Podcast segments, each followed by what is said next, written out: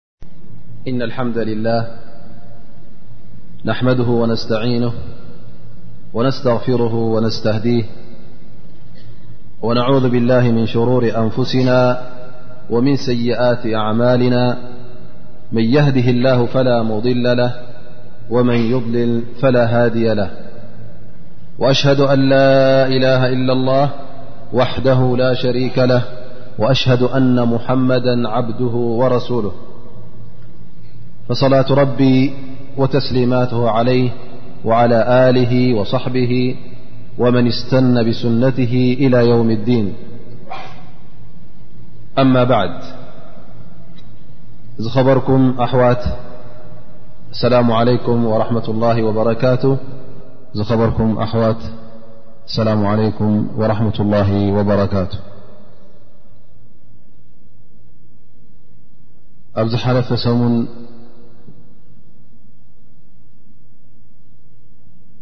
ኣብ ኣየት ኩርሲ ኣብ መንጎ ደብልና ነርና ማለት እዩ ኣየት ኩርሲ ከምቲ ዝበልናዮ ዓሰርተ ነጥብታት ዝሓዘለት ኣያ ኢልና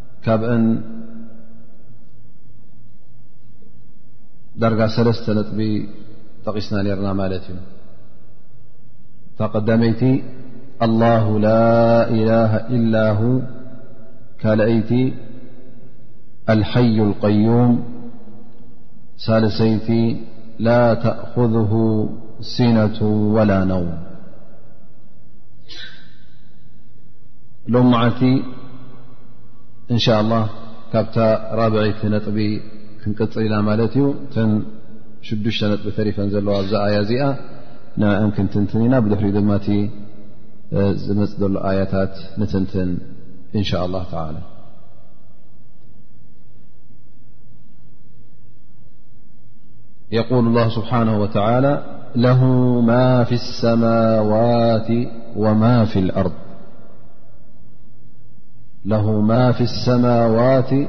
ወማ ፊ ኣርض ኣላ ስብሓን ወተላ ኩሉ ኣብ ሰማያትን ኣብ ምድርን ዘሎ ናቱ ምዃኑ ምልኩ ምዃኑ ግዝኣቱ ምዃኑ ኩሉ ፍጡር ይፍቶ ይፅላ ባርያ ኣላ ስብሓን ወተላ ምዃኑ ኣብ ትሕቲ ስልጣኑን ኣብ ትሕቲ ግዝኣቱን እዩ ኩሉ ኣብ ሰማይን ኣብ ምድርን ኣብ መንጎ ሰማይን ኣብ ምድርን ዘሎ ኩሉ ፍጡር ኣላ ስብሓን ወተላ እዩ ኣላ ስብሓን ወተላ ዋንነት ሓቀኛ ዋንነት ዘለዎ እንተ ኮይኑ ብጀካ ኣላ ስብሓን ወተላ ምልክን ዋንነትን ዘለዎ ፍጡር የለን ወዲ ሰብ በቲ ኣላ ስብሓን ወተዓላ ዝሃቦ ሽሻይ በቲ ኣላ ስብሓን ወተዓላ ዝሃቦ ክእለት ምናልባሽ ዋንነት ይህልዎ ኸውን ማለት ገንዘብ ወይ ርስቲ መርት ማኪና ከም ዝኣመሰለ ሃብቲ ናተይ ኢሉ ምልከይ ኢሉ ምናልባሽ ኣብ ነብሱ ሃፍታም እየ ግዝኣት ኣለኒ ምልኪ ኣለኒ ንጉስ እየ ናይ ዓዲ ንጉስ እየ ናይ ከተማ ሓላፊ ኢሉ እዚ ኣብ ትሕቲ ቁፅፅረ እዩ ዘሎ ኢሉ ምናልባሽ ትዕቢት ከይስምዖ እቲ ሒዝካዮ ዘለኻ ንግስነት እቲ ኣብ ትሕቴኻ ኣብ ምልክኻ ኣብ ኢድካ ዘሎ ሃብትን ገንዘብን ብሓቂ ናህካ ከምዘይምዃኑ ኣላ ስብሓን ወተላ ለሁ ማ ፊ ሰማዋት ወማ ፊ ልኣርض ኢሉ እስኻን ትመልኮ ገንዘብን ትመልኮ ሃገርን ትመልኮ ንብረትን ኩሉ ኣብ ትሕቲ ምልኪ ኣላ ስብሓን ወተላ እቱ ከም ምኳኑ የዘኻኽረና ኣሎ ስብሓን ወተላ ለሁ ማ ፊ ሰማዋት ወማ ፊ ኣር ምኽንያቱ ኣላ ስብሓን ወተላ እሱ እቲ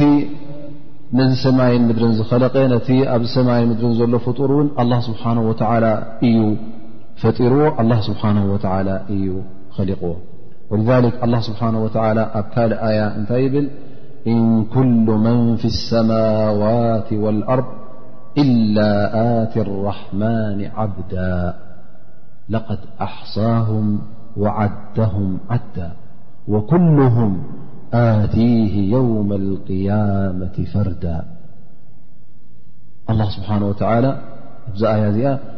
እን ኩሉ መን ፊ ሰማዋት ወልኣርድ ኣብ ኩሉ ብሰማይን ኣብ ምድርን ዘሎ ኣብ ዮም ኣልቅያማ ናብ ኣላ ስብሓን ወተዓላ ክቐርብ ከሎ ናብ ኣራሕማን ክቐርብ እንከሎ እንታይ ኮይኑ እዩ ዝቐርብ ባርያ ጎይታ ኮይኑ ይቀርብን እዩ በዓል ገንዘብ በዓል ሃብቲ በዓል ሽሻይ በዓል መዝነት መኮነን እዚታት ዝበሃል የለን ኣብ ዮም ኣልቅያማ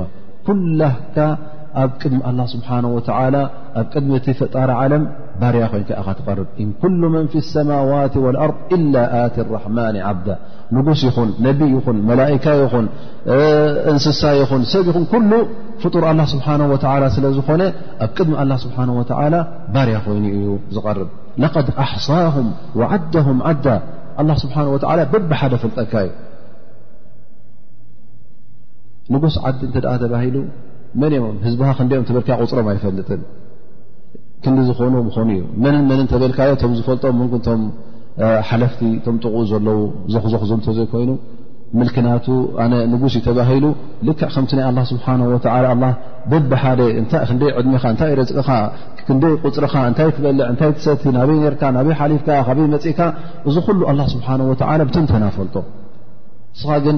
እወ ንጉስ ትስመ መራሒ ሃገር ትስመ እዚ ትስመ ስምዓካ ኸውን ትዕቢት ትስምዓካ ይኸውን ብነብስኻ ትዕጀብ ትኸውን ግን እዚ ናካ ምልኪ ግዜያዊ ጉደሎ ሓቀኛ ምልኪ ዘይኮነ ምዃኑ ከመይ ርካ ትፈልጦ ምስቲ ምልኪ ኣላ ስብሓን ወላ ክትረኣዩ ከለኻ ባርያ ምዃንካ ሽዑ ትፈልጥ ማለት እዩ ኣላ ስብሓን ወተላ ለቐድ ኣሕሳሁም ወዓደሁም ዓዳ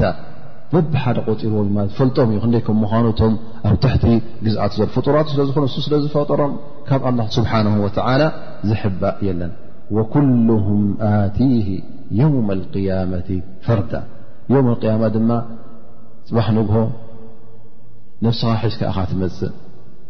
ኣነ ናይዞም ዓዲ እዚኦም ንጉሴ ኣነ ሓላፍብ ክንዲኦም ኣብ ክንዶኦም ኣነ ሓልፈሎም እየ ኣነ ኣብ ክንድኦም ዝዛረብ ኢልካ ኣነ ናይዞም ዓዲ እዚኦም ሓላፊ ስለዚ ኣነ ዝበልክዎ ሰምዑን እዮም እዝበሃል የለን ናብ ዮም ያማ እስኻ ታ ነፍስኻ ሒዝካ እታ ነፍስኻ እኳ ንጋዳ ያሩ ያሩ እናበልካ እንተ ደኣ ብዝያዳ ውን ብኣላ ስብሓን ወላ ዘይተኣምን እተ ነርካ ኮንካ እንተ ክሕደት ነይሩ እኳ ኮይኑ እውን ያ ለይተኒ ኩንቱ ትራብዕኻ ትብል ያሬት ኣብዛ መዓልቲ እዚኣስ ብኻዚ ተሳኩ ካብ ሞተይ ብኻብዛ መዓልቲ እዚኣ ሰብ ቅድሚ ኣላ ስብሓን ወላ ዘይቀረብኩ ብኣጊለ ኣፍታ ጉድጓድ ኣፍታ ቐብረይ ሓመድ ኮይነ ተዝተርፍ መሓሸኒ ነይሩ ኢልካ ትምነየሉ ሰዓት እዩ ግን ኣላ ስብሓን ወላ ከምታ ቆፀርኡ ቆፀርኡ ስለ ዘይጠልም ኣብ ዮም ቅያማ ኩልኹም ክእክበኩም እየ ስለ ዝበለና ወኩሉም ኣትህ የውም ቅያመቲ ፈርዳ ስብሓه ተሓቀኛ بعل نقسنت بعل ملك تح بل قፅر بع سلጣن ت ين الله سبحانه وتعلى كل ب الدني لن تحت سلن እي لذلك الله سبحانه وتعلى بدحر آي بل من ذ الذي يشفع عنده إلا بإذنه من ذ لذي أي ل أحد ول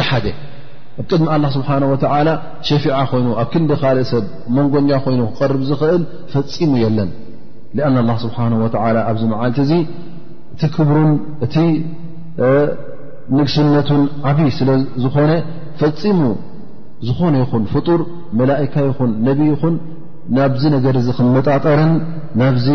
ተግባር እዚ ተቢዑ ኣይቀርብን እዩ ሸፊዓ ክሸፍዕ የሉ ማለት መንጎኛ ክኸውን እየ እስኹም ከምዚ ከምዚ ኣጓኒፍኩም ኣሎ እሞኒ ኣነ ኣብ ክንዳኹም ክዛረበልኩም እየ ኣነ መንጎኛ ክኾነኩም እየ ዝብል ፈፂሙ የለን ኢላ ብእዝኒ ኣላ ስብሓን ወላ ዘፍቀደሉ ሰብ እንተዘይኮይኑ ፈፂሙ ባዕሉ ብነፍሱ ተቐዳዲሙ ክቐርብ ኣይክእልን እዩ ሊክ ኣብ ዮም ቅያማ ኩሉ ትኸልቂ እቲ ኩነታት ኣሸጊርዎ እቲ ትፅቢት ናይ መዓልቲ ፈፅሚ ማለት ፍርዲ ዝፍረደሉ ሰዓት ደንጉዎ ፀሓይ ምሰ ሸገረቶ ናብ መን ኸይድ ትኸልቂ ቲ ፍጡር ናብ ነቢና ኣደም ይኸይድ ናብ ነቢና ሙሳ ይኸይድ ናብ ዒሳ ይኸይድ ናብ ኩሎም ናብቶም ኣንብያ ይፍትን ኩሎም ግን እንታይ ይብሉ ነፍሲ ነፍሲ ኣነ እዛ መዓልቲ እዚኣ ክሽፋዕ ኣይክእል ናብ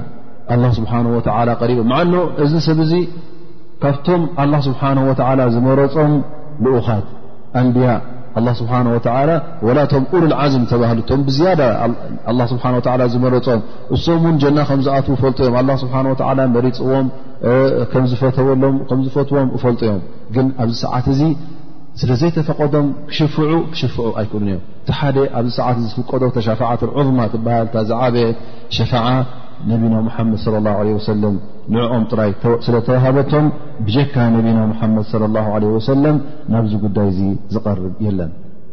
نبينا محمد صلى الله عليه وسلم بزعب شفيعة خطص لو نت بل أتي تحت العرش فأخر ساجدا فيدعني ما شاء الله أن يدعني ثم يقال ارفع رأسك وقل تسمع واشفع تشفع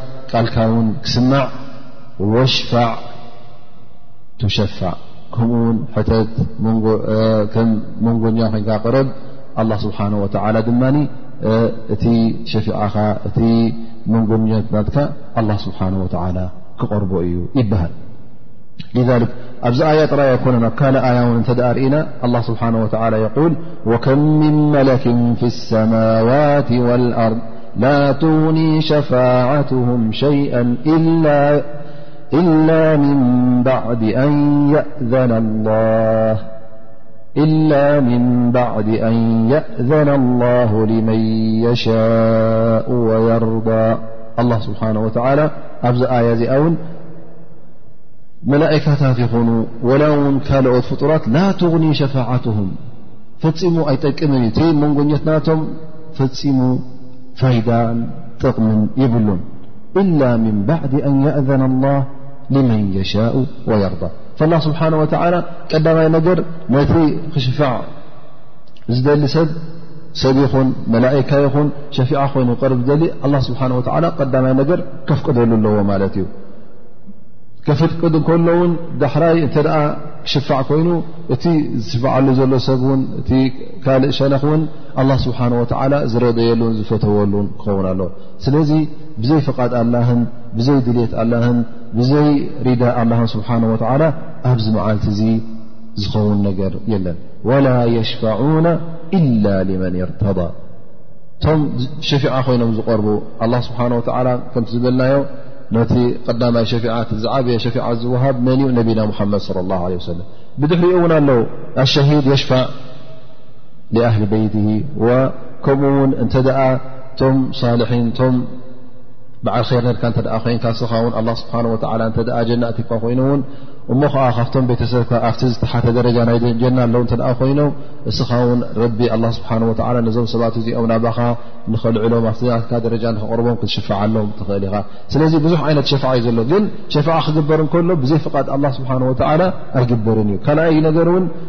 ፍቶት ኣላ ሪዳ ኣላ ስብሓን ወላ ረቢ ዝረደየሎም ክኾኑ ኣለዎም እቶም ዝሽፍዓሎም ዘሎን እቶም ዝሽፍዑ ዘለዉን ፈላ ስብሓ ወላ ብዛ ኣያ እዚኣ እንታይ ዝርኢ ዘሎ እቲ ምልኩ ጥራይ ኣብ ዱንያ ኣይኮነን ከምኡ ውን ኣብቲ ዮም ኣልቅያማ እውን ኩሉ ነገር ብዘይ ፍቓዱ ክኸውን ኣይክእልን ከም ምኳኑ ኣላ ስብሓን ወላ የረድኣና ኣሎ ለሁ ማ ፊ ሰማዋት ወማ ፊ ኣር ሰማይን ምድርን ዘሎ ናቱ እዩ ኣብ ዮም ኣልቅያናማ እውን ብዘይ ፍቓዱ ዝኸውን ነገር የለን ብዘይ ፍቓዱ እውን ዝንቀሳቐስ ነገር የለን ኢሉ ኣላ ስብሓን ወተላ የዘኻኽረና ኣሎ ብዛ ኣያ እዚኣ ከምቲ ዝበልናዮ እዛ ኣያ እዚኣ ዓባይ ኣያ ዓቢ ትርጉም ዝሓዘት ዓብ ክብሪ ዘለዋ ከምቲ ዝጠቐስናዮ እውን ኣብ ንግሆ ኣብ ኣጋምሸት ኣብ ድሕሪ ሰላት ኣብ ብዙሕ ሰዓታት ኣብ ብዙሕ እዋናት እውን ከም ኣዝካር ኮይና ክትቅራዕ ዘለዋ ኣያ ከም ምኳና ጠቒስና ነርና ማለት እዩ እዚ ኩሉ ክብረትናታ እውን ካበይ ዝተላዕለ ካብቲ ሒዛቶ ዘላ ትርጉም ስለ ዝኾነ እናሃልካ እዚ ኣብዛ ኣያ እዚኣ ንሪኦ ዘለና እቲ ኩሉ ናይ ኣላ ስብሓን ወተላ እቲ ተውሒድ ኣልኡሉህያ ዝበሃል ተውሒድ ኣሩቡብያ ዝበሃል ተውሒድ ኣስማእ ዝበሃል ኩሉ ኣስማእ ወሲፋ ዝበሃል ኩሉ እዚ ኣያ እዚኣ እቲ ናይ ተውሒድ ነገርቲ ንኣላህ ስብሓን ወተዓላ ሓደ ከም ምኳኑ እሱ እውን እቲ ኩሉ ኣምልኾትን ግዝኣትን ንዕኡ ክውሃብ ከም ዘለዎ እሱ እውን በዓል ሰናይ ኣስማትን ሰናይ ቅፅላትን ከም ምኳኑ ትገልፅ ኣያ እያ ማለት እዩ ثማ እዛ ኣያ እዚኣ ናበይ ንኸይድ ኣብታ ሻድሸይቲ ነጥቢ የقል ላ ስብሓን ወተላ ያዕለሙ ማ በይነ ኣይዲህም ወማ ኸልፈሁም ኣላ ስብሓን ወተዓላ እቲ ዕልሚ ወይ ከዓ እቲ ፍልጠቱ ንኹሉ ዘጠቓልለ ከም ምዃኑ ንያዕለሙ ማ በይነ ኣይዲህም ወማ ኸልፎም እቲ ቅድሚ ሕጂ ዝገበርዎ ኩሉ ኣላ ስብሓን ወተዓላ ይፈልጦ እዩ ከምኡ ውን ግና እቲ ብሕጂ ኣብ መፃኢ ክገብርዎ ዘለዎም እንታይ ክጓንፎም ከም ምዃኑ ኣላ ስብሓን ወተዓላ እውን ይፈልጦ እዩ ፈፂሙ ካብኡ ዝሕባእ ነገር የለን መፃኢ ይኹን ኣብ ዘለኻዮ ግዜ ይኹን ሓላፊ ይኹን ዝሓለፈ ኩሉ ነገራት ይኹን ኣላ ስብሓን ወተዓላ ኩሉ ይፈልጦ እዩ ዝሕብኦ የለን ያዕለሙ ማ በይነ ኣይዲህም ወማ ከልፈሁም እዚ እውን ብጀካ ኣላ ስብሓን ወተዓላ ዘጠቓልሎ የለን ወዲ ሰብ ፍልጠቱ ውሱን እዩ ዝኾነ ይኹን ፍጡር ፍልጠቱ ብደረት ተወሰነ እዩ ግን ፍልጠት ኣላ ስብሓን ወተዓላ ደረት የብሉን ፍልጠት ኣላ ስብሓን ወተዓላ ገደብ የብሉን እንታይ ደኣ ሰፊሕ ፍልጠት እዩ ዘለዎ ኣላ ስብሓን ወተዓላ ዝሕበኦ ነገር የለን ዝሓለፈ ካብፈርጠረካ ኣሎ ግዜ ካብዚ ዓለምን ሰማያትን ኩሉ ዝፈጠሮ ክሳዕ መጨረሻ ዓለማት ክሳዕ ዮም ቅያማ ዝመፅእ ኩሉ ኣላ ስብሓን ወተዓላ ኣፅኒዕዎን ይፈልጦን እዩ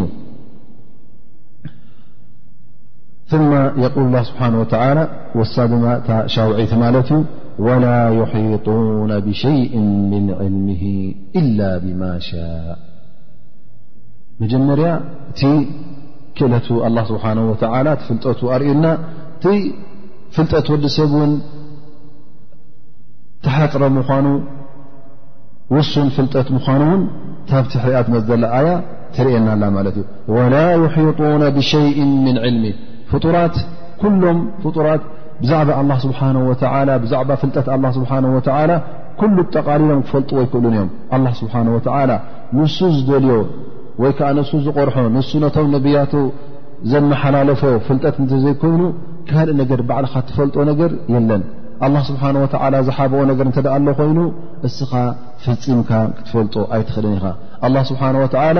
ያዕለሙ ስራ ወኣኽፋ እቲ ስር ወይ ከዓ እቲ ሕቡእ ነገር ኩሉ ኣላ ስብሓን ወተላ ምስጢር ዝኾነ ነገር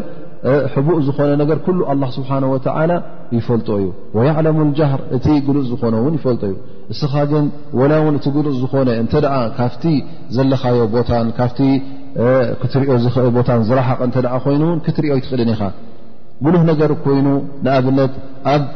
ካልእ ሃገራት ዝግበር ንስኻ ቅድሚኻ ዘሎ ኣብዛ ቅድሚኻ ዘላ ኢኻ ትፈልጥ ካብዛ መስጊድ ውፅእ ኢልካ እንታይ ከም ዘላ ውን ኣይትፈልጥን ኢኻ እቲ ክትሪኦ ትኽእል ኣላ ስብሓን ወላ ውን ኣላ ስብሓን ወተዓላ ግን ኩሉ ካብኡ ዝሕባእ ነገር የለን እቲ ዝርኦን እቲ ዝሰምዖን ደረት የብሉን ብመንደቕ ይኹን ብርሕቀት ብካልእ ነገራት ኣይ ዕገትን እዩ ፍልጠት ኣላ ስብሓን ወተዓላን እቲ ዝርኦን እቲ ዝሰምዖን ግን ወዲ ሰብ ወይ ብመንደቕ ይኹን ወይ ብርሕቀት ይኹን ወይ ብካልእ ምኽንያት ፍልጠቱ ክሓፅር ይኽእል እዩ እቲ ነገር እቲ እናተገብረ ከሎ እናተኻይደ ከሎ ውን ከይሰማዖን ከይረኣዮን ከይፈለጦን ክሓልፍ ይኽእል እዩ ወላ ይሒጡነ ብሸይእ ምን ዕልሚ ኣይኮነን ዶ ኣላ ስብሓን ወላ ብፍልጠት ኣላ ከምቲ ዝበልናዮ ሕጂ ኣላ ስብሓን ወተዓላ እንታይ ዓይነት ፍልጠት ኣለዎ እንታይ ይፈልጥ እንታይ እዩ እቲ ኩሉ ፍልጠታቱ ኩሉ እዚ ነገር እዚ ፈፂምካ ኣንታ ወዲ ሰብ ክትፈልጦ ኣይትኽእልን ኢኻ ምኽንያቱ ደረት ስለ ዘይብሉ ኣይኮነ ዶ ፍልጠት ናይ ኣላ ንኽትፈልጥሲ ሓድሓደ ግዜ እውን ወዲ ሰብ ዝፈልጦ ከማኻ እስኻ ንዓኻ ይሕብኣካ እዩ ምኽንያቱ ሱ ምናልባት ካባኻ ዝያዳ ተማሂሩ ካባኻ ዝያዳ ነቒሑ ካባኻ ካልእ ነገራት ስለ ዝቐሰመ ምናልባሽ እሱ ካባኻ ኣብ ፍልጠት ዝሓ እስኻ ምናልባሽ ኣብቲ ፍልጠት ናቱ ኣብቲ ደረጃ ናቱ ክትበፅሕ እውን ዳርጋ ኣይትኽእልን ኢኻ ማለት ሰብ ንገዛእ ርእሱ ተፈላለየ ፈማ ባሉክ ብላ ስብሓ ወላ ነቲ ፍልጠት ኣላ ስብሓ ወላ ንኹሉ ንኸተርክቦ ፈፂምካ ኣይትኽእልን ኢኻ ከምኡ ውን ካልእ ተፍሲር ኣለዋ ብሉ ዑለማ ነዚኣ ፍልጠቱ ጥራይ ኣይኮነን እንታይ ደኣ ወላ ይሒጡና ምን ዕልሚ ዛት ወስፋት ማለት ኣላ ስብሓ ወላ ኣብ ዛቱን ስፋቱን ማለት ኣ ገዛእ ርእሱ ከመይ ምኳኑ ኣላ ስብሓ ወላ ኩሉ ተንቲንካ ከመይ እዩ እንታይ ይመስል እንታይ እዩ ኢልካ እዚ ኩሉ ነገራት እውን ፈፂምካ ክትበፅሖ ኣይትኽእልን ኢኻ ማለት ይብሉ ክልቲኦን እውን ቁኑዓት እየን ማለት እዩ በቲ ሓደ ወገን ንኣላ ስብሓን ወተዓላ ኩሉ እንትንኡ ተንቲንካ እቲ ዝነገረካ እንተዘይኮይኑ ኣላ ስብሓን ወተዓላ ኣነ ይሰምዐ ኣነ ይርእየ ኣነ ከምዚ ኢሉ ዝጠቐሰልካ ንዕኣ እንትፈልጥ ካብኡ ንላዕሊ ግን ትፈልጦ ነገር የብልካ ምኽንያቱ ሕቡእ ስለ ዝኾነ እቲ ሓንጎልካን ትእምሮኻን እውን ነቲ ክብረት ኣላህን ነቲ ዕብት ኣላህን ክበፅሕን ንዕኡ ኣብ ሓንጎሉ ክስእሎን ስለ ዘይክእል ወዲ ሰብ ስለዚ ፍልጠቱ ሓፂር እዩ ማለት እዩ ላ ስብሓን ወተላ ወላ ይሒጡና ብሸይእ ምን ዕልሚ ኢላ ብማ ሻ ካብቲ ፍልጠቱ ኣላ ስብሓን ወተላ ንባሮቱ ዘፍለጦም ነገራት ኣሎ ማለት እዩ ብኣንብያ ዝመፀ ብመላእካ ዝመፀ ከም ውሓይ ኮይኑ ዝመፀ ስብሓ ወላ ዘፍለጠና ግን ንፈልጥ ኢና ማለት እዩ ኣብ ቅድሚ ኣላ ስብሓን ወተላ ኩሉ ንዓና እቲ ፍልጠት ኣላ ዝበልናዮ ማለት እዩ እቲ ኣላ ስብሓ ወላ ዝፈልጦ እሱ ዘፍለጠናን እሱ ዝሓበረና እንተዘይኮይኑ ንሕና ባዕልና ክንፈልጦ ንኽእል ነገር የለን ثመ የقል ላ ስብሓን ወተላ እታ ሻምነይቲ ነጥ ማለት እዩ ወሲዓ ኩርስይሁ ሰማዋት ወልኣርض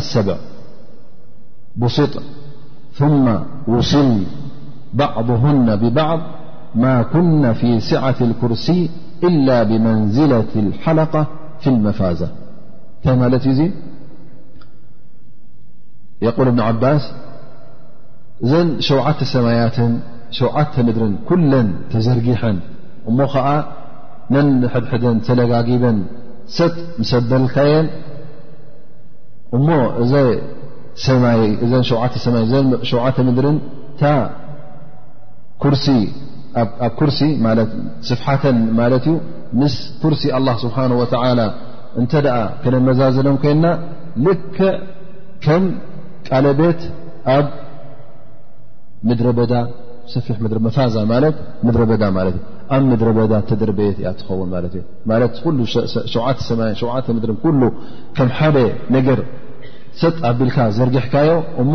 ኣብ ቅድሚ ኩርሲ ናይ ኣላ ስብሓን ወላ ክተቕርቦ ከለኻ ልክዕ ከምዛ ቀለቤት ኣኣበይ ትድርበ ኣብ ምድረ በዳ ትድርብያ ከምኡእንታይ ትኾኑ ሕጂ ምድረ በዳ ትደርብያ ሓንቲ ቀለቤት ወላ ሓንቲ እዘን ፈማ ባሉካ ብዓርሽ ላ ስብሓን ወላ ስለዚ ኣላ ስብሓን ወላ ወሲዓ ኩርስይሁ ሰማዋት ወልኣርض فالله سبحانه وتعالى عذية لقلنة الله سبحانه وتعالى بت عرش ت أسماة صفاة ب للن يل مت ي ثم يقول الله سبحانه وتعالى وقوله ولا يؤوده حفظهماتشعتن ولا يؤوده حفظهما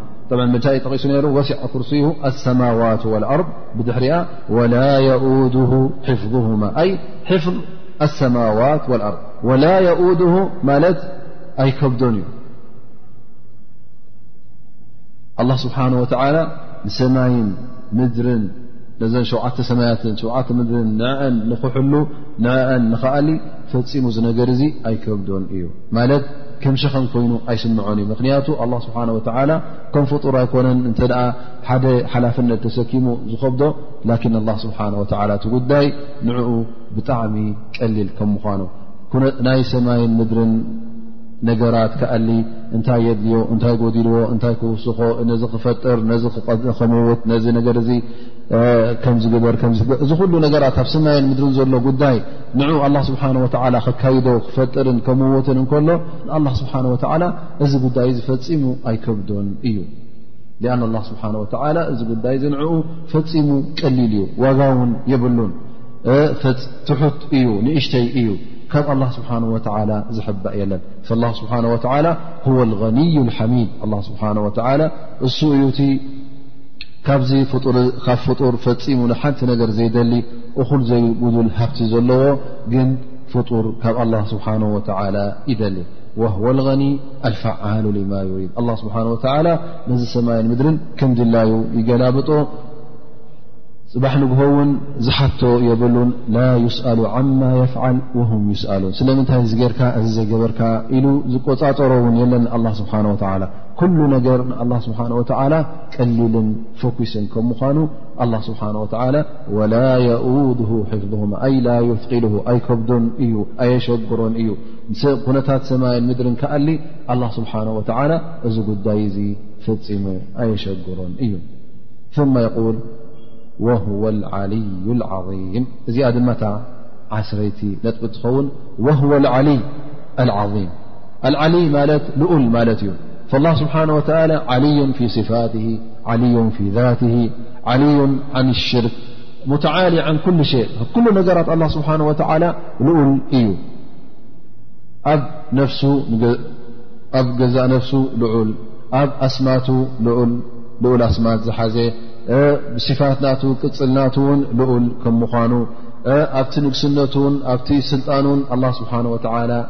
ልኡል እዩ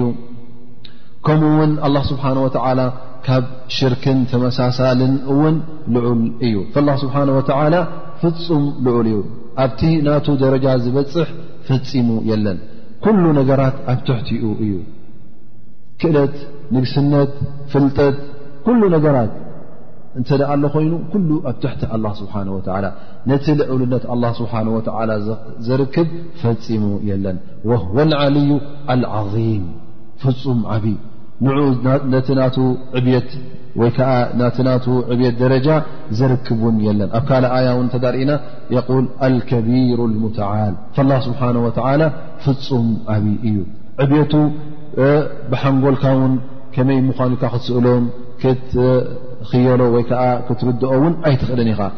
ግን ኣላ ስብሓን ወላ ፍፁም ዕብት ከም ዘለዎ ክትኣምን ኣለካ ንዕብቱ ዘርክብ ውን ከምዘየለ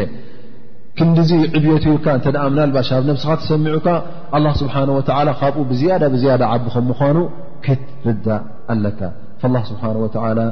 ኣብዚ ዝሓለፈ ኣያታት እንታይ ይጠቕሰልና ኣሎ እሱ እቲ ሓደ ኣላ ስብሓን ወላ ምኳኑ ብዘይክኡ ካልእ ከነምልኽ ከምዘይብልና ብዘይክኡ ንካልእ ኣምልኾት ክንህብ ከምዘይብልና እሱ እዩ እቲ ሓደ ፈጣሪ እቲ ሓደ ንሙሉእ ዓለም ካብ ፈጠረ ለ ማ ፊ ሰማዋት ወማ ፊ ኣርض ኢልና ኣለና እሞ ከዓ ወላ የኡድ ሕፍظማ እሱ ነዛ ዓለም ዝፈጠረን ነዚ ሙሉእ ኣብ ሰማይ ናብ ምድርን ዘሎ ዝኸለቐን ካብ ኮነን እሱ ርዝቅን ሽሻይን ዝህብ ካብ ኮነ ንሱ ነዚ ኩነታት ዓለም ከም ድላዩ ዝገላብ ካብ ኮነ እንታይ ይኸውን ኣሎ ማለት እዩ ትኽኢልካ ናበይ ትመሓላለፍ ግዴታ እቲ ኣምልኾትን እቲ ግዝኣትን እቲ ትሕትናን እቲ ዒባዳን ንመን ክትቦ ኣለካ ንኣላ ስብሓን ወላ ክወሃብ ከም ዘሎ እዚ ኣላ ስብሓን ወላ እሱኡ እቲ ሓቀኛ ክግዛእ ዘለዎ እቲ ሓቀኛ ከነምልኾ ዘለና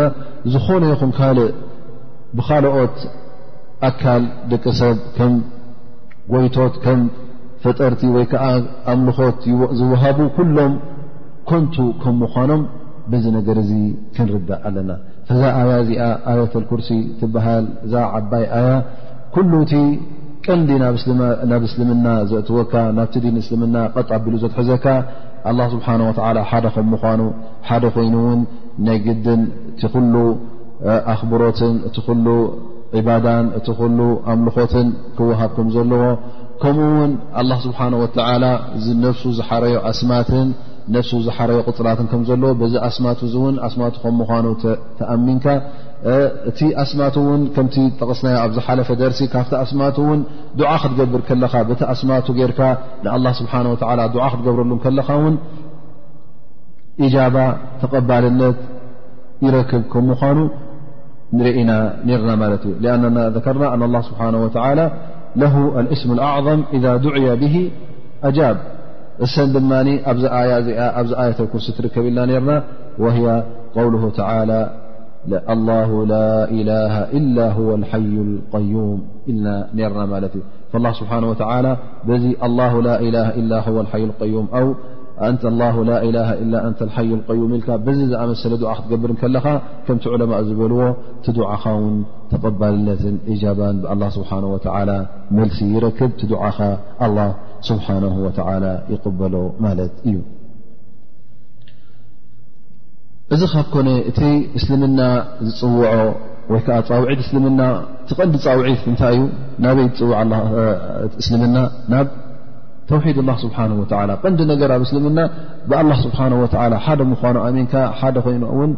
እቲ ኩሉ ኣምልኾት ንዕኡ ንምሃብ ስለ ዝኾነ እዚኣ እታ ቀንዲ ፃውዒት እሳ ውን ብርህትን ቅንዕትን ከም ምዃና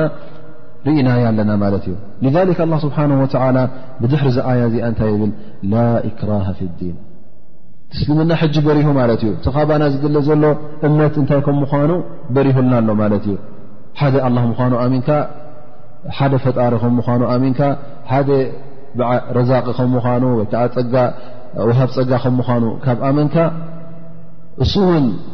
ካብ ኮነ እቲ ዝፈጠረካን ርዝቂን ሽሻይን ዝሃበካን እሱ ካብ ኮነ ግዴታ እቲ ኣምልኾት ውን ንዕኡ ክወሃብ ኣሎ እዚ እቲ ቐንዲ ፃውዒት ስለዚ ከምዚ ኢሉ ካብ በርሃልካስ ድሕሪ ሕጂ ላእክራሃ ፊ ዲን ቐድ ተበየነ ርሽዱ ምና ልغይ እቲ እስልምናን ትኽሕደትን በሪሁ ማለት እዩ ኣይና ዮ መገዲ እስልምና ኣይና እዩ መገዲ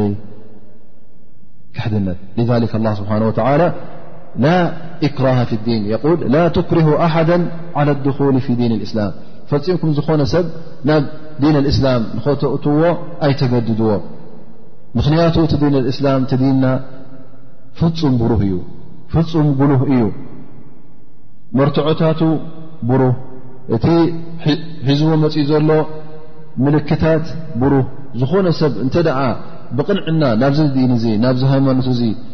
ቀሪቡ ነዚ ሃይማኖት እዚ ብቐሊል ክርድኦን ብቐሊል ክቐርቦን ይኽእል ሓቂ ምዃኑ እውን ክዓግብ ይኽእል ስለዚ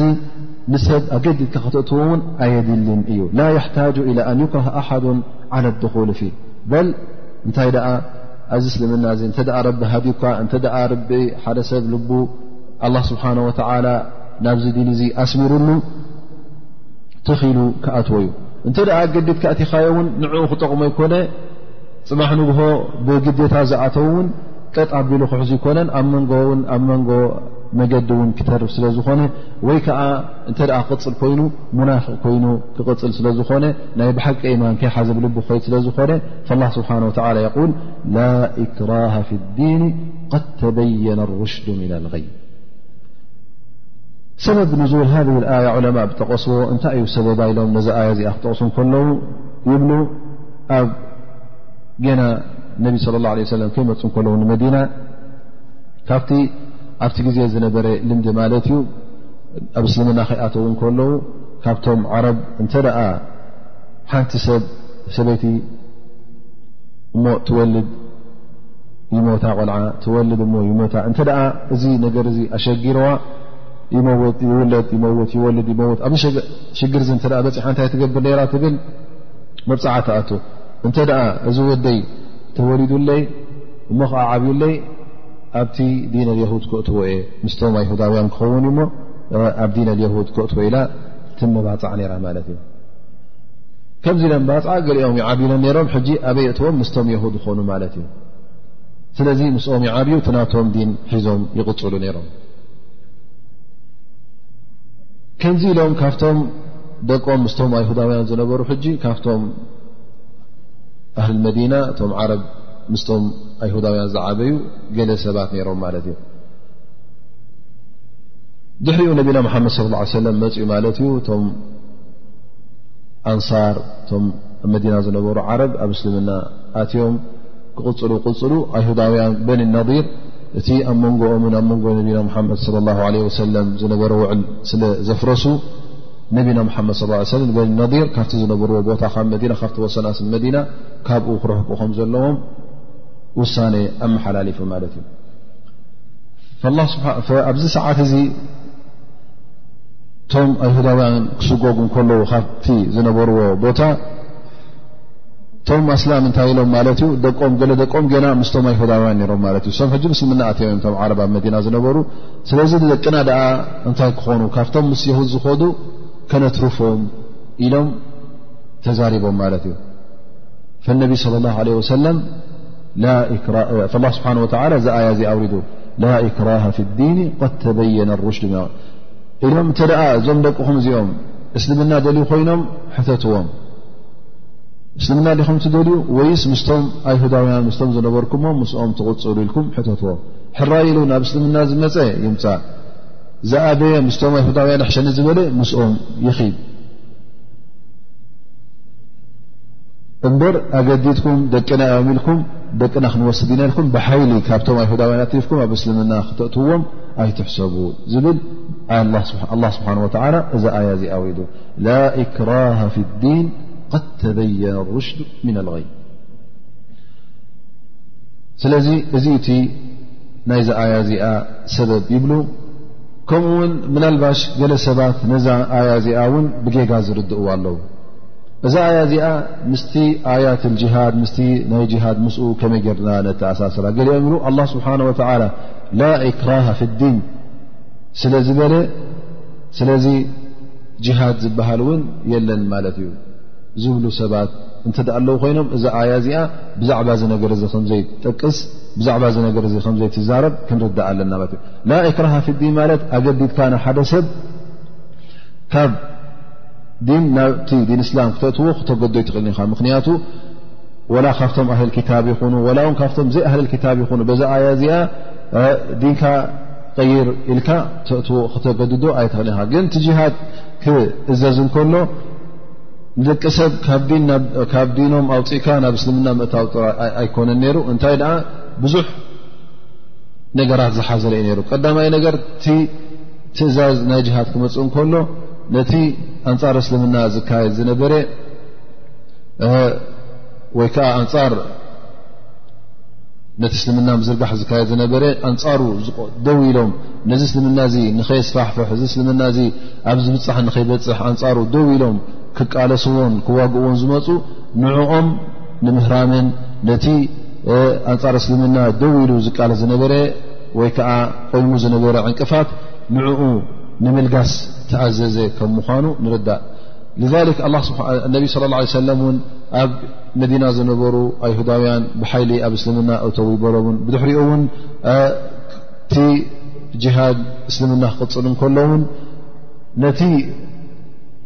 ነቲ እስልምና ዝዓግት ዝነበረ ወይ ከዓ ነቲ ናይ እስልምና ምስፋሕ ዝዓግት ዝነበረ ሰራዊት ይኹን ወይ ከዓ ነጋውስ ይኹኑ ንዕኦም እዩ ዝቃለስ ዳኣ እንበር ነይሩ እንተ ኣነስ ዲነይ ኣይቅይርን እየ ሃይማኖት ኣይቅይርን እየ ታ ዘለኹዋ ኣብኣ ሰጥ ክብል እየ እንተደኣ ኢሉ ሓደ ሰብ ብሓይሊ ናብ እስልምና ነቢና ሙሓመድ ለ ላ ለ ሰለም እቶ ኢሎም የገድድዎ ይነበሩ ስለዚ ت لا إكره في ادين كبل كل مست ي جهاد كتت أساسر يبلك ت جهاد ل د لا إكره ف ادن ل كلون ل دا كمانو كنرد علنا مت ثم يقول الله سبحانه وتعالى فمن يكفر بالطاغوت ويؤمن بالله فقد استمسك بالعروة الوثقى لانفصام لها والله سميع عليم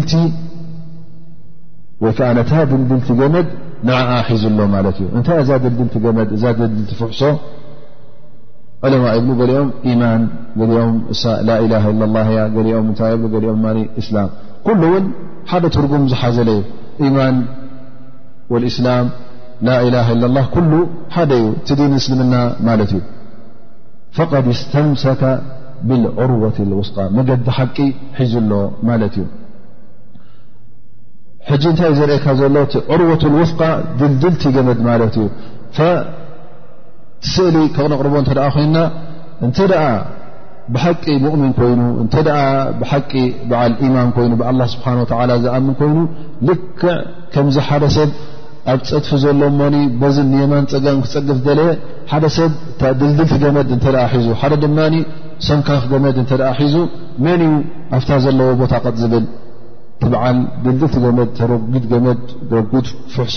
ጽቡቕ ገመድ ሓደሽ ገመድ ሒዙ ዘሎ እሱ እቲ መገዲ ሓቂ ወይ ከዓ እቲ ነጃት ወይ ከዓ ናፃ ክወፅእ ዝኽእል ግን እቲ ዘይድልዱል ፍሕሶ ዘይድልዱል ገመድ ዝሓዘ እሞ ለቕብቃብ ገመድ እሞ ከዓ ቀጢን ገመድ ዝሓዘ ግን እዚ ሰብ እዚ እንተ ደኣ ፊትና መፂዎ እንተ ደኣ ህቦብላ ናይ ፊትና ወይ ከዓ ናይ ፈተነ ቀሪቡ እዚ ሰብ እዚ ዛገመድ እዚኣ ክትብተኾ ትኽእል ማለት እዩ ስለዚ መኖም እቲ በዓል ድልዱል ገመድ እቲ መገዲ ኣላ ስብሓን ወላ ዝሓዘ እቲ ብኣላ ስብሓን ወላ ዝቐረበ ማለት እዩ ፈቐድ ስተምሰካ ብልዑርወት ውፍቃ ለንፍሳማ ለሃ ለንፍሳማ ኣይ ለንቅጣዕ ዘይትብተኽ ማለት እዩ ዘይትብተኽ ገመድ ዝሓዘ እሱ እዩ መን እቲ ብኣላ ስብሓን ወላ ዝኣመነ ኩሉ ንኣላህ ዝኸሓደ ሽርካ ዘእተወሉ ኩሉ ካብቲ ኣላ ስብሓን ወተዓላ ዝኣዘ ዝወፀ ግን ገመዱ ሶንኳፍ ማለት እዩ ተበታኺ ገመድ እዩ ሒዙ ዘሎ ሞኒ ይጠንቀ ገመዱ እንተ ተበቲኻ ናበይ ኣብቲ ፀድፊ ናይ ጀሃንም ክኣት ምዃኑ እስኻ ግን እንተ ብኣላ ስብሓን ወተዓላ ቀጥ ኢልካ ሒዝካ ኣብታ ድልድልቲ ገመድ ሒዝካ ኣለኻ ዘይትብተኽ ገመድ ስለ ሒዝካ ኣለኻ ማለት እዩ እሳ እውን ትበቲኻ ናብቲ ፀድፊ ጀሃንም ኣይትሰደካን እያ እንታይ ደኣ ብኣ ናፃ ክትወፅእ ትኽእል ኢኻ ልክዕ ወይ እውን ከመይ ክንጠቕሶ ንኽእል እ ከነመሳሰሎ እተ ኮይና ሓደ ሰብ እንተ ኣብ ጉድጓድ ኣሎ ኮይኑ ኣብ ጉድጓድ እተ ጥሕዩ ነዚ ሰብ እዙ ንምንታይ ከተውፅኦ ገመድ ኢኻ ትሰደሉ ማለት እዩ እዛ ገመድ ሒዙ ሓዛ ትብሎ ብኣ ትስሕቦ ተውፅኦ ኣብ ወፃፅኡ ከምታ ገመድ እያ እንተ ድልድልቲ ገመድ ኮይና ስሒፍካ ስሒፍካ ከተውፅኦ ኢኻ እንተ እዛ ገመድ እዚኣ ዝላሕልሐት ገመድ ኮይና ናይ ቀደም ገመድ እተ ኮይና ግን ምናልባሽ ኣብ መንገዲ ክትብተኽያ ጠቂ ትብል እያ ካብታ ዘለዋ ዓዘቕቲ ካብኣ ኣይክወፅን እዩ ኣብታ ፀልማት ናይ ጉድጓድ ኣብኣ ክተርፍ ማለት እዩ በዚ ሕጂ ኣላ ስብሓን ወተላ ነቶም ኣብቲ ግዜ ዝነበሩ ዓረብ በቲ ቀሊል ኣገባብ ገይሩ እቲ ምስልምና ቀጢልካ ምትሓዝን ካብኡ ምርሓቕን እንታይ ምዃኑ ንጥፍኣት ናብ ጉድጓድ የጥርሕል ከም ምዃኑ ንኸረድኦም ኣላ ስብሓን ወተዓላ በዚ ኣገባብ እዚ ኣቕሪብሎም ማለት እዩ ኣልእማም ኣሕመድ የርዊ ዓን ቀይስ እብኒ ዓባድ ቀይስ እብኒ ዓባድ ዝተባህለ ነይሩ ይብል ኩንቱ ፊ ልመስጅድ ሓደ ግዜ መስጊድ ነይሩ ይብል እዚ ቀይስ እብኒ ዓባድ ዝበሃል ኮፍ ኢልና ከለኻ ኮፍ ኢለ ከለኹ ከምኡ ውን ካልኦት ነይሮም ምሳይ ሓደ ሰብኣይ ይኣቱ እዚ ሰብ እዚ ኣብቲ ገፁ ክሹዕ ፍርሃት ረቢ ዝረኣዮ ሰብኣይ ርኤ ማለት እዩ እዚ ሰብ እዚ እቱ ምስ በለ ኣትዩ ክልተ ረክዓ ይሰግድ ማለት እዩ ክልተ ረክዓ ክሰገድ ከሎ ውን ኣየንወሐ ኣየሕፅረን ኣክፅር ኣቢሉ ሰግደን ኣሎ ማለት እዩ እቶም ምሳይ ኮፍ ኢሎም ነበሩ ሕጂ እንታይ ኢሎም ይዛረቡ ይብል ሃذ ረጅሉ ምን ኣህሊ ልጀና እዚ እዚ ሰብኣይ እዚ ካብቶም ኣህሊ ጀና ኢሎም ተዛሪቦም ፈቀይስ ብን ዓባድ ተገሪቡ ማለት ከመይ ገይሮም ካብ ኣህሊ ጀና ብሉ ኣኪድ እማ ያ እነቢ ስ ሰለም ዘበሰሮ ነገር ኣሎ ማለት እዩ ወይ እንታይ እዩ ትሽግሩ ወይ ከዓ እንታይ እቲ ምስጢሩ ክፈልጥ ደልዩ ማለት እዩ ምክንያቱ ሓደ ሰብ እዚ ካብ ኣህሊ ጀና እዩ ወይከዓ እዚ ካብ ኣህሊ ናር እዩ ክትብል ከለኻ ስቕልካ ዝበሃል ነገር ኣይኮነን ኣ እዚ ካብ ዕልመ ልቀብ እዩ ሕቡእ ነገር እዩ ኣ ስብሓ ወ እተዘይኮይኑ ካልእ ሰብ ዝፈልጦ የለን እዚ ነገር እ ስለ ዘገረሞ እንታይ ገይሩ ማለት እዩ እዚ ሰብኣይ ዝውፅእ ምስ በለ ደድሕሪኡ ወፅእ ኣሎ ማለት እዩ ደድሕሪኡ ከይደ ክሳዕ ገዝኡ ዝኣት እውን ተኸትለዮ ገዝኡ እውን ደድሕሪኡ ኣትየ ፈደኸልቱ መዓ ምስኣተኹ ፈለማ ኣስተእነሳ ኣተ ተዘራሪብና ማለት ዩ ከመይ ኣለኻ ዘረባ ጌርና ማለት ዩ መንጎ ክልተና ክልተኦም ዝግ ምስ በልና ኢለዮ እነ ልቀውማ ለማ ደኸልተ ቅበለ ልመስጅድ ቃሉ ከዛ ወከዛ መስጊድ ምስ ኣተኻ እቶም ምስኦም ኮፍ ኢለ ዝነበርኩ ሰባት ከምዝን ከምዝን ኢሎም ማለት ከምቲ ዝበርዎ እዚ ስካብቲ ኣህልጀና ኢሎም ተዛሪቦም እሞ እዚ ጉዳይ እዚስ ስለምንታይ ኣሚሎምኻ ነዚ ነገር እዚ ክፈልጥ ደልየ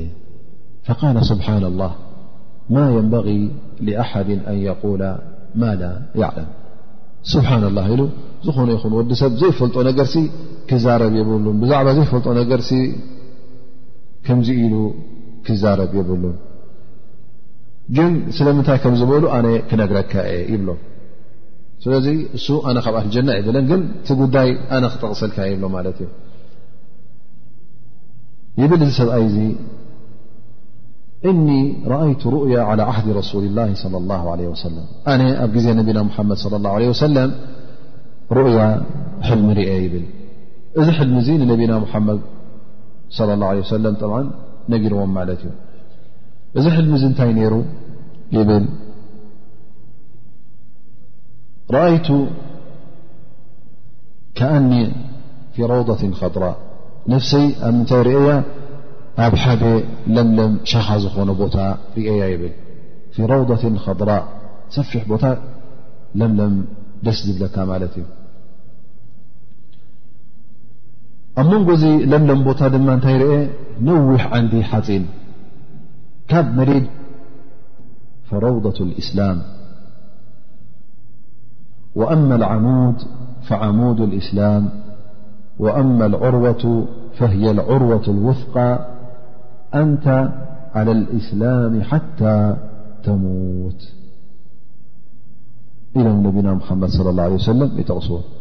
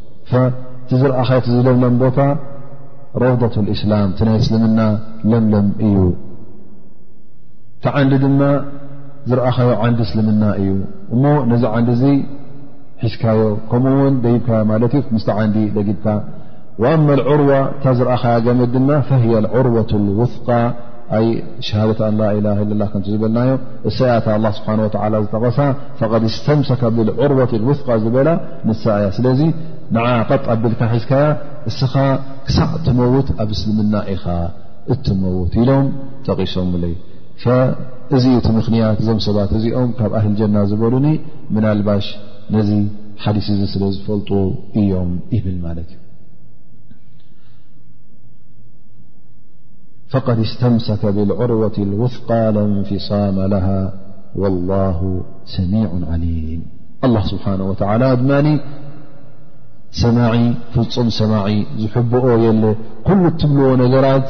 ኣላ ስብሓን ወተዓላ ይሰምዖ እዩ ካብኡ ዝሕባእ ነገር የለን ካብ ኣላ ስብሓን ወተዓላ እተሓብእዎ ቃል ፈፂሙ የለን ከምኡ ውን ዓሊሙን ብማ ተፍዓሉን ኣላ ስብሓን ወተላ ሰሚዑን ብማ ተቕሉ ኩሉ ነገራት ካባኹም ዝወፅእ ቃል ኣላ ስብሓን ወተዓላ ይሰምዖ እዩ ከምኡውን ኩሉ ነገራት እትገብርዎ ኣላ ስብሓን ወተዓላ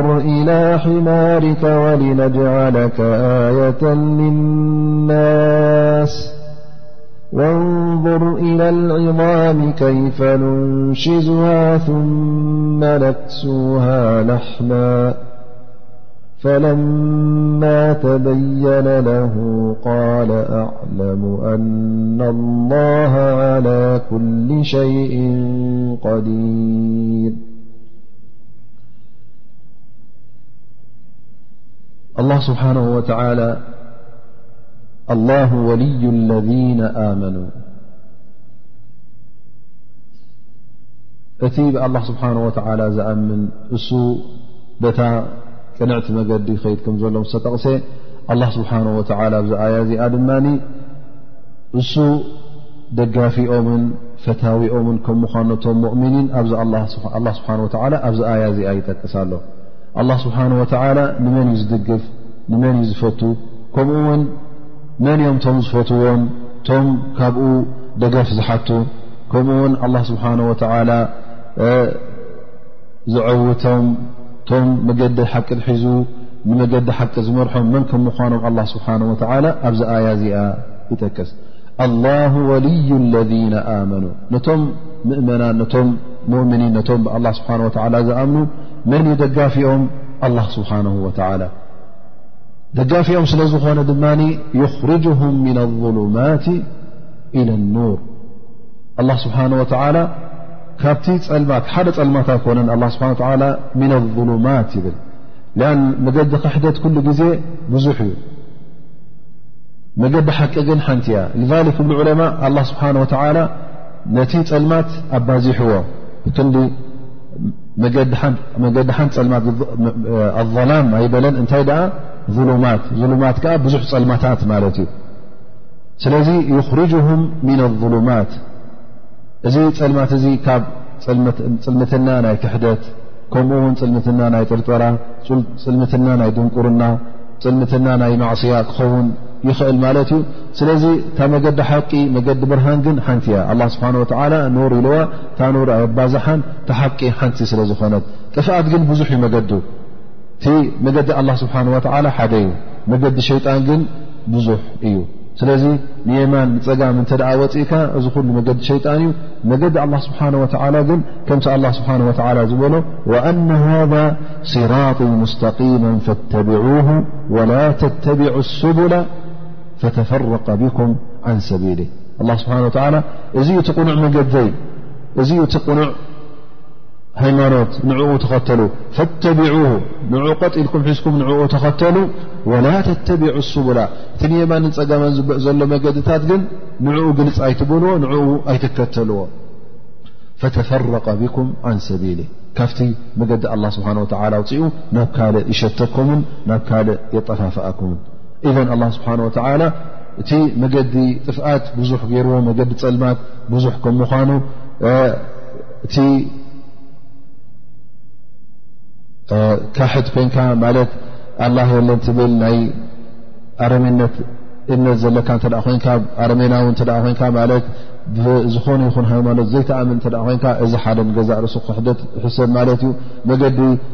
ክርስትና መሪፅካ ወይ ከዓ መገዲ ይሁድነት መሪፅካ ወላ እውን መገዲ ካልእ እተ መሪፅካ እዚ ኩሉ መገድታት እዚ ኩሉ መገዲ ፅልማት ማለት እዩ ኩሉ ካብ መገዲ ኣላ ስብሓን ወተዓላ ዝጠፍአ እዩ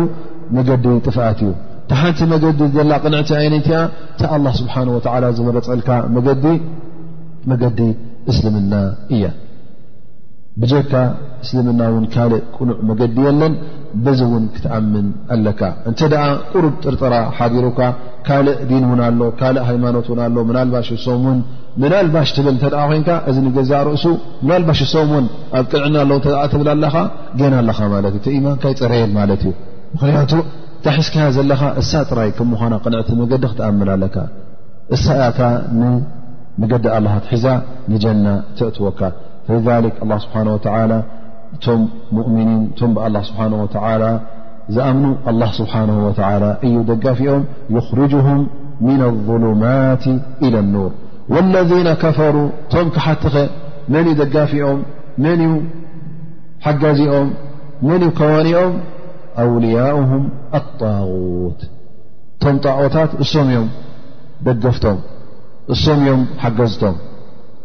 እዞም ጣኦታት ከም ዝበልናዮ ጣኦት ንምንታይ ይፍሰር ሓደ ሓደ ግዜ ብሸይጣን እውን ይፍሰር እዩ ኩሉ ብዘይካ ኣላ ስብሓን ወተላ ኣምልኾት ኣለዎ ኢልካ ተቕርቦ እውን ጣኦት እዩ ዝቁፀር ኢልና ስለዚ እዚኦም እንታይ እዮም ዝገብርዎም ኣብ ክሊ ንመገዲ ብርሃን ዝወስድዎም ካብ መገዲ ብርሃን ኣውፅኦም ናበይ ይወስድዎም ናብ መገዲ ፀልማት ናብ መገዲ ፀልማት ይእትዎም ማለት እዩ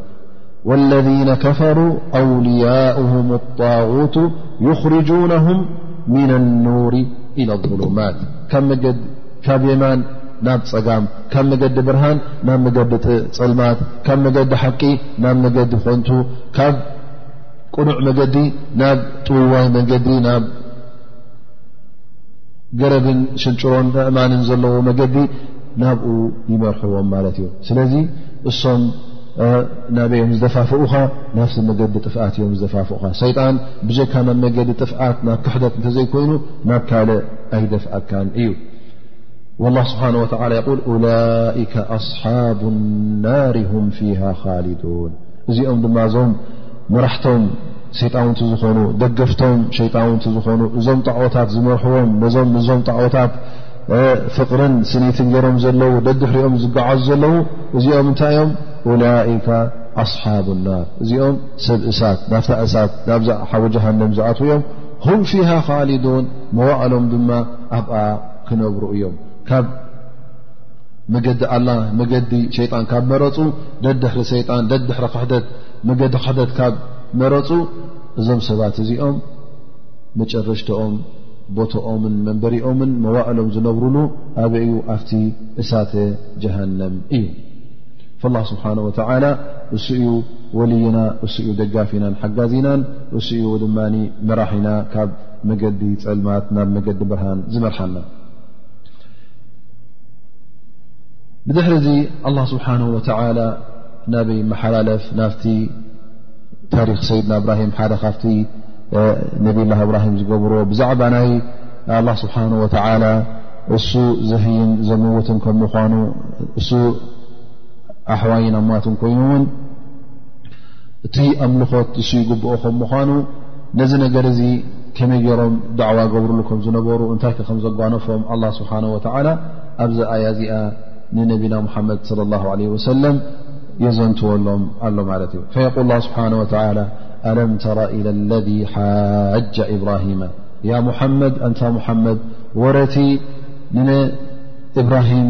ዝተኻትዐ ሰብ ወሪኡ ኣለካ ዶ ኢሉ ኣላ ስብሓን ወተላ ነዛ ዛንታ እዚኣ ነቢና ሙሓመድ ለ ላ ለ ወሰለም የቕርበሎም እንታይ እዩ ነይሩ ወረዚ ሰብ እዙ እዚ ሰብ እዚ ኣላ ስብሓን ወተላ ንግስነት ሂብዎ ንግስነት ሂብዎ ምልኪ ሂብዎ እሞ እዚ ኩሉ ተዋሂቡ ከሎ ኣብ ክንዲ ንኣላ ስብሓን ወተላ ዘመስግንን ንኣላ ስብሓን ወተላ ኣልሓምዱላ ንግስነት ሂብካኒ ኢሉ እቲ ዝግባእ ንኣ ስብሓን ወተላ ኣብ ክንዲ ከም ባርያ ኮይኑ ናብ ኣላ ስብሓን ወላ ዝቐርብ እሞ ከዓ ኣብ ክንዲ ዘመስግን እንታይ ክገብር ኣትዩ ብዝያዳ ትዕቢት ክስምዖን ብዛዕባ እቲ ናይ ንግስነት ተዋህቦ ከምዚ ልክዕ ብኢዱ ዘምፅኦ ኣብ ክንዲ ንኣላ ዘምልኽ ንሱ ነዛ ነፍሱ ከም ጎይታን ከም ኣላህን ገይሩ ክርኣ ጀሚሩ ማለት እዩ እዚ ነገር እዚ ኣብ ኣበይ ተረኺቡ ማለት እዩ ኣብ መንጎ ነብላ እብራሂም ኣብ መንጎቲ ንጉስን ማለት እዩ እዚ ንጉስ እዚ ነምሩድ ዝበሃል ንጉስ እዩ ነይሩ ናይ ባቢልይን ማለት ንጉስ እዚ ንጉስ እዚ ኣብ መንጎ ናብ መንጎ ሰይድና እብራሂምን ክትዕ ተገይሩ ማለት እዩ እዚ ክትዕ እዚ ገለ ዕለማ ኣብልዎ ብድሕሪ ነቢና እብራሂም ንእሳት ምስ ደርበይዎም ኣብቲ እሳት ደርብዮሞም እሞ ከይተቓፀሉ ምስ ወፁ ብድሕሪኡ ተገብረ ክትዕ ይብሉ ገለ ዕለማ ድማ ብሉ እዚ ክትዕ እዚ ገና ነቢላ እብራሂም ኣብ እሳት ከይተደርበዩ ከለዉ ዝተገብረ ክትዕ እዩ እዚ እውን ኣብቲ ኣያ ኣይተጠቕሰን እቲ ቐንዲ ዝገድሰና ነቢላ እብራሂም ከመይ ገይሩ ተዛሪቡ እቲ ኸ ከመይ ገይሩ ከም ተዛረበ እንታይ ከ ፋይዳ ንረክብ ንኽእል ካብዛ ኣያ እዚኣ እቲ ክትዕ ዝነበረ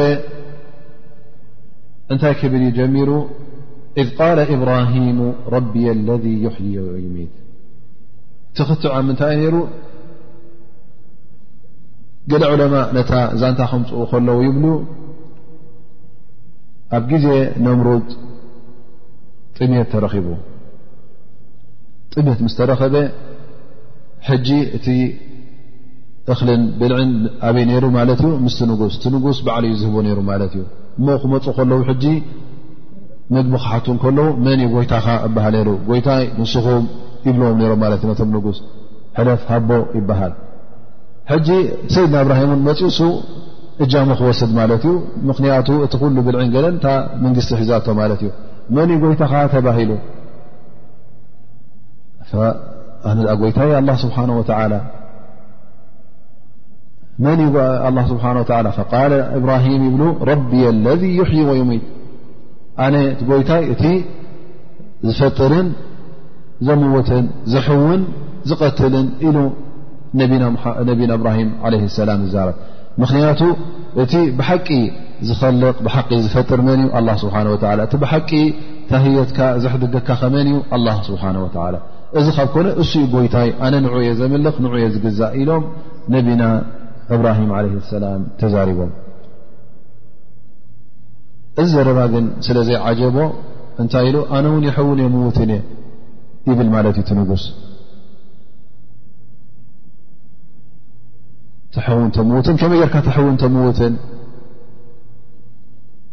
እንሻ ላ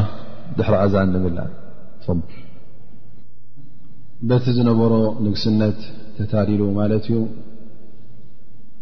እቲ ንግስነቱ ሓቀኛ ንግስነት መሲልዎ ከምቲ ናይ ኣላ ስብሓን ወተላ ንግስነት ኮይኑ ስለ ተሰምዖ ኣነ እውን የሕውን የምውትን እየ በለ ነዚ ነገር እዚ ብግብሪ ክርእካ ውን ኢልዎ ማለት እዩ እንታይ ኣምፅኡ ክልተ ሰባት ኣምፅኡ ማለት እዩ እቲ ሓደ ንሞት ተፈሪዱ ነይሩ ማለት እዩ እቲ ሓደ ግን ንሞት ኣይተፈረደን ኣምፃ ኣቢሉ ነቲ ሞት ዘይተፈረደ ጣዕ ኣቢሉ ቀትልዎ ነቲ ገዲፎ ማለት እዩ ርኢኻ እዚ ክመው ዝግብኦ ኣነ ሕገዮ እቲ ሞይቱ ዝነበረ ድማ ገዲፈዮ ስለዚ ኣነ ከምድላይ ደለ ክቀትሎ ንደለኹ ኣይቀትሎን እየ ማለት እዩ ስለዚ ኣነ እውን ክሐውን ክምውትን ይኽእል እየ ይብል ማለት እዩ እዚ ዝገበሮ ጉዳይ እውን መኻን ክትዕ ከም ምዃኑ ስለ ተረድአ ሰይድና እብራሂም እሞ ከዓ እቲ ዝገብሮ ዘሎ ንመካትዕን ንመናውሒ ዘረባን እንተዘይኮይኑ ሓቀኛ ተግባር ኣይኮኑን ስለዚ ነቢና እብራሂም ዓለ ሰላም ናበይ ሰጊሩ ማለት እዩ እዚ ምናልባሽ ብከምዚ ገይሩ ንሰብ ከታልል ንኽእል እዩ ስለዚ ናብታ ከታልለላ ዘይክእል ምክንያቱ እዚ ሕጂ ክቕበል ደልየ ማለት ነቲ ሓቂ እናርኣየ ከሎ ይነፅገሎ ማለት እዩ ስለዚ ሰይድና እብራሂም ለ ሰላም ናፍታ ዝዓበየት ናፍታ ከታልለላ ዘይክእል ጉዳይ ናብኣ ይሰግር ማለት እዩ ይብሎ እንተ ደኣ ስኻ ተሐወንቶ መዉትን ኮንካ እሞ ናይ ብሓቂ ጎይታ ከምቲ ዝበልካዮ እንተ ጎይታ ኮንካ እሞ ካብዚ ነገር ዝዓቢ ትኽእል ትገብር ትኽእል ኢኻ ማለት እዩ ብሎ ማለት እዩ ሕጂ ካብ ካልእ ከስግረካ ብሎ ኣነ እቲ ጎይታይ ዝኣምነሉ እንታይ እዩ ዝገብር ይብሎ ነዛ ፀሓይ ብምብራቕ የምፅኣ ተዓርብቲ ኮይና ድማ ብምብራቕ የዕርባ ስለዚ እስኻ እንተ በዓል ዓቢ ክእለት ኮንካ እስከ ንኩላህና ብ ዘለና ደይትሕባእ ነዛ ፀሓይ እዚኣ ካብ ፅባሕ እስኪ ኣብ ከንዲ ምብራቕ ትወፅእ ብምዕራብ ኣብርቐልና ይብሎ ማለት እዩ ቃል እብራሂም ፈኢና ላሃ የእቲ ብሸምሲ ምና ልመሽርቅ ፈእቲ ብሃ ምና ልበቕሪ ናይ ብሓቂ ንጉስ እተ ኮይንካ ድላይካ ገባር ትኽእል እንተ ኮይንካ እዚ ዓለም እዚ ኩሉ ምልክኻ ኮይኑ ስምዓካ እንተ ኮይኑ እሞ ኣላ ስብሓን ወላ ነዛ ፀሓይ ንሕና ብምብራቕ የምፅኣ ኣሎ ብምዕራብ እውን የዕርብ ኣሎ እሞ እስኻ ፅባሕ እስኪ ኣብ ክንዲ ብምብራቕ ትወፅእ ብምዕራብ ኣውፃያ ኢሉ ይካትዖ ማለት እዩ ፈቡሂተ ለذ ከፈር እንታይ ክገብር እዩ ፅባሕ ንግ እላ ነታ ምዕራብ ምብራቕ ስመይዋ ክብሎ እንተዘይኮይኑ ፅባሕ ንጎ መፅእ ከ ብምዕራብ ወፅያ ኢልኩም ተዛረቡ ተዛኣድሮም ግን እዚኣ ፍልጥቲ ማለት እዩ ሰብኣይ ሕጂ ተረቲዑ ተለጎመ ማለት ፈቡሂተር ለذ ከፈር ክዛረብ ኣይከኣለ ተረቲዑ ዓፉ ተለጉመ ላ ስብሓን ወተላ ይብል ወላሁ ላ የህዲ ልقውም ظልሚን ኣላ ስብሓን ወተላ ድማ ነቶም ዓመፀኛታት ኩሉ ግዜ ምናልባሽ ይካትዑ ፍርቂ መገዲ ብፅሑ ልክዕ ከምዛ ናይ ነምሩድ ማለት እዩ ክካታዕ ከሎ መጀመርያ መልሲ ረኺቡ ንግዜኡ እታ ኣሕዩ ወኡሚት መውፅዒ ረኺቡላ ግን ፈፂሞም መጨረሻ የብሎም ማለት እዩ ተዓማፂ ሰብ ኩሉ ግዜ እቲ ዓመፀኛ ኣላ ስብሓን ወተዓላ መገዲ ኣየብርሃሉን እዩ መገዲ ሓቂ ኣይከፍተሉን እዩ ምናልባሽ ንመካትዒ ይካታዕ ኸውን ግን መጨረሽኡ ክርታዕ እዩ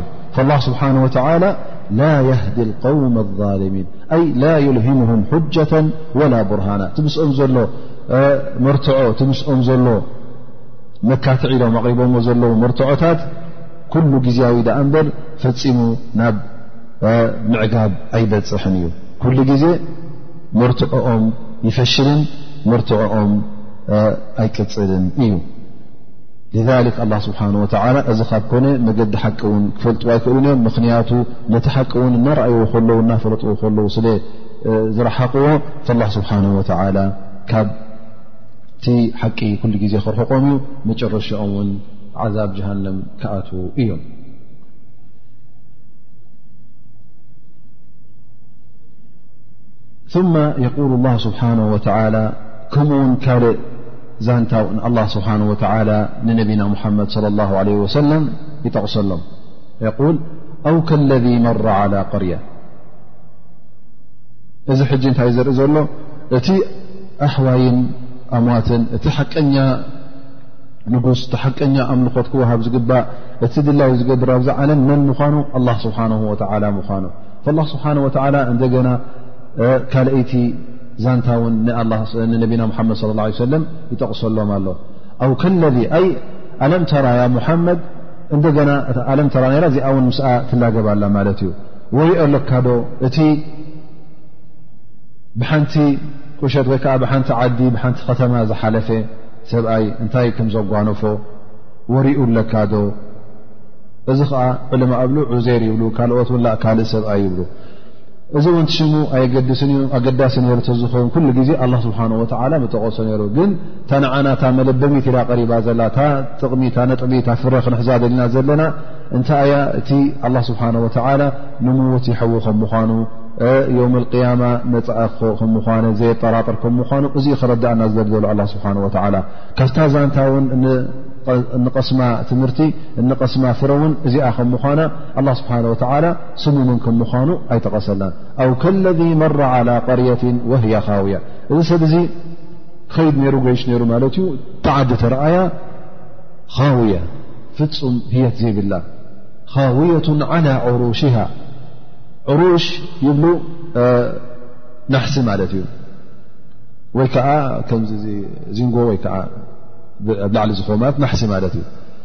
ስለዚ ካውየቱን ዓላ ዑሩሽሃ እቲ ናሕሲ ፀዲፉስ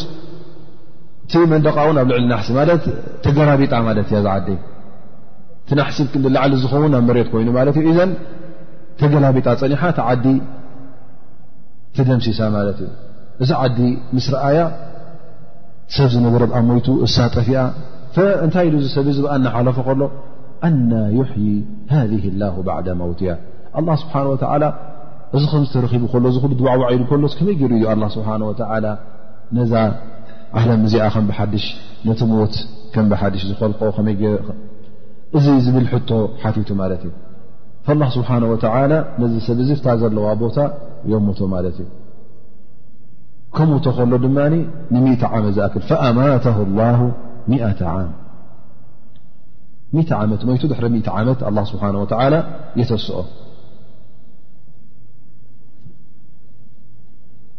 ቃለ ከም ለቢት መላእካ ሰደሉ ማለት እዩ ሓደ ከም መላእካ ሰብ ምስ ይመፅ ይመፆ ክንደይ ዓመት ወይ ከዓ ክንደይ ጌርካ ኣብዚ ድቃስካ ይብሉ ሱ ሕጂ ክድቅስ እንከሎ ናይ ንግሆ እዩ ነሩ እቲ ዝደቀሰሉ ሰዓታት እታ ዝተሰኣላ ግን ናይ ኣጋምሸት እያ ነይራ ሕጂ እንታይ ይብል ቃለ ለቢት የውመ ኣው ባዕض የውም እንተ ሓጸረ ፍርቂ መዓልቲ እየ ደቂሰ ዘለኹ ማለት ናይ ንግሆ ደቂሰ ሕጂ ኣጋ ምሸት ተስእ ኣለኹ እተዘይተፈለጠኒ ድማ ምሉእ መዓልቲ ደቂሰ ሓዲረስ ጽባሒቱ ደቂሰ ኣለኹ ማለት እተነውሐ ሓንቲ መዓልቲ እየ ደቂሰ እንተዘይኮይነ ባዕض ዮም ፍርቂ መዓልቲ እየ ደቂሰ ኢሉ ይምልስ ማለት እዩ ቃል በል ለብስተ ሚእተ ዓም መዓልቲ ፍርቂ መዓልቲ ሚእተ ዓመት ኢኻ ሞትካ ነርካ ሚእተ ዓመት ኢኻ ደቂስካ ተኣምን ተደሊኻ ድማ ረአ ሕጅቲ እስኻ እንታይ ኢኻ ትብል ነርካ እዚኣ መሬት እዚኣ ዝዓዲ እዚኣ ከመይ ገይሩ ኣላ ስብሓን ወላ ክሕያ እዩ ሕጂ እስኻ ኣብታ ነብስኻ ርአ ሚእቲ ዓመት ኣላ ስብሓን ወላ ኣሚቱካ እሞ ንዓ እቲ ስንቅኻ ሒዝካዮ ዝነበርካ ርአዮ ፈንظር ኢላ ጣዓሚካ ወሸራቢካ ለም የተሰና እቲ ሒዝካዮ ዝመፅእካ ፅሟቕ ነይሩ ምስኡ ማለት እዩ ትሪኦ ኣለኻ ኣይተቐየረን እቲ ሒዝካዮ ዝመፅእካ ስንቂ እውን ኣይነቐዘ ኣይተበላሸወ ፍሩታን ገለን ነሮ ምስ እብሎ ልክዕ ከምዛ ዝገደፋ ከምዛ ሓዳሽ ፍሩታ ኮይና ፀኒሓ ተባል ፍፅም ኣይተቐየረን ወላ እውን እቲ ሕዝቦ ዝመፀ ፅሟቕ ኣይመፀፀን ብሓድሹ ከምታ ሕጂ ትፅሙቐ ወንظር ኢላ ሒማሪክ በቲ ሓደሸነክ ድማ እቲ ሰዲርካያ ዝመፅእኻ ኣድጊ ረኣዮ እንተረኣዮ ይበሃል እዚ ኣድጊ እዚ ኣዕፅምቲ ኮይኑ ትዕፅምቱ ፃዕዳ ፋሒሉ ተዘርጊሑ ወንር ኢላ ሒማሪክ ወሊነጅዓለከ ኣየት ልናስ ንዓኻ ድማ ምልክት ተኣምራት ንኽትከውን ደቂ ሰብ ኢና እዚ ነገር እዚ ጌርናካ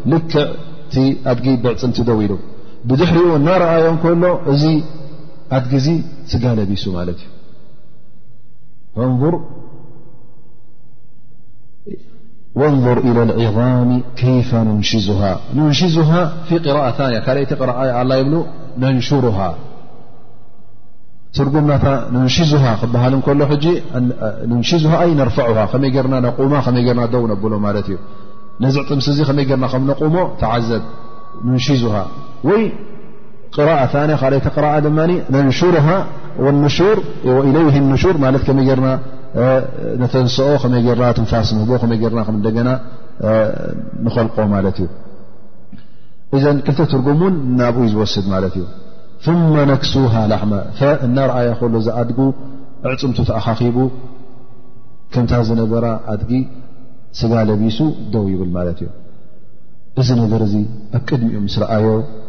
ተገሪሙ ፈለማ ተበየና ለሁ ቃል ኣዕለሙ ኣና ላሃ ዓላ ኩል ሸይእን ቐዲር እዚ ሕጂ መጀመርያ ኣጠራጠር እዩ ነይሩ እዛ ዓዲ እዚኣ ከመይ ገርኡ ረቢ እንደገና ከምታ ዝነበረታ መልሳ ክእል ወይ ከዓ ከመይ ገርኡ ተማእኡ ዝነበሩ ክሕውዮም ኢሉ ዝሓስብ ዝነበረ እቲ ጉዳይ ኣብ ነብሱ ምስ ረኣየ ብዓይኑ ምስ ረኣየ እቲ ሓቂ ኩሉ ግዜ ብዓይንኻ ክትሪኦ ከለኻ እንታይ እዩ ዝኸውን ደረጅኡ ላዕሊ እዩ ዝኸውን ፈለማ ተበየና ለሁ እቲ ጉዳይ ምስ በረሃሉን እቲ ጉዳይ ብዓይኑ ምስ ረኣዮን እንታይ ኢሉ ኣዕለሙ ኣና ላሃ ዓላ ኩሉ ሸይን ቐዲ ኣላ ስብሓን ወተዓላ ድላዩ ክገብር ከም ዝኽእል ካብኡ ንሱ ዘይክእሎ ነገር ከምዘየለ ሕጂ ብሓቂ ብሓቂ ብሓቂ ኣሚነ ይብል ኣዕለሙ ኣና ላሃ ዓላ ኩሉ ሸይን ቀዲር ኢሉ እቲ ኢማኑ እቲ ናይ ብሓቂ ኢማኑ ተመሊሱሉ ማለት እዩ ፈንታይ ዘርእየና ዘሎ ኣላ ስብሓን ወተዓላ ኩሉ ክእለትን ናይ ህየትን ናይ ሙማትን ኣብ ኢዱ ምዃኑ እሱ ካብ ኮነኸ እንታይ ኢና ክንገብር ዘለና ተኣምልኾትና ንዕኡ ክነቦኹም ዘለና ስለዚ እቲ ዝኸለቐካን እቲ ዝረዘቐካን እሱ እዩ፣ ኣምልኾት ዝግብኦ እሱ እዩ፣ ክትግዝኦ ዘለካ ስለዚ ንኣላህ ስብሓን ወተዓላ ንገዛኣዮ ንኣላህ ስብሓን ወተዓላ ነምልኮ ካብቲ ትእዛዛት እውን ፈልከት ኢልና ኣይንውፃእ ማለት እዩ ድሕዚ እንሻ ኣላ ኣብ ዝመፅ ዘሎ ድርስና ኣያታትና ንቕፅል ክሳዕ ቃማ ዝገብር ድማ ሓደ ክልተ ፋይዳ እንተኣ ኣሎ ይ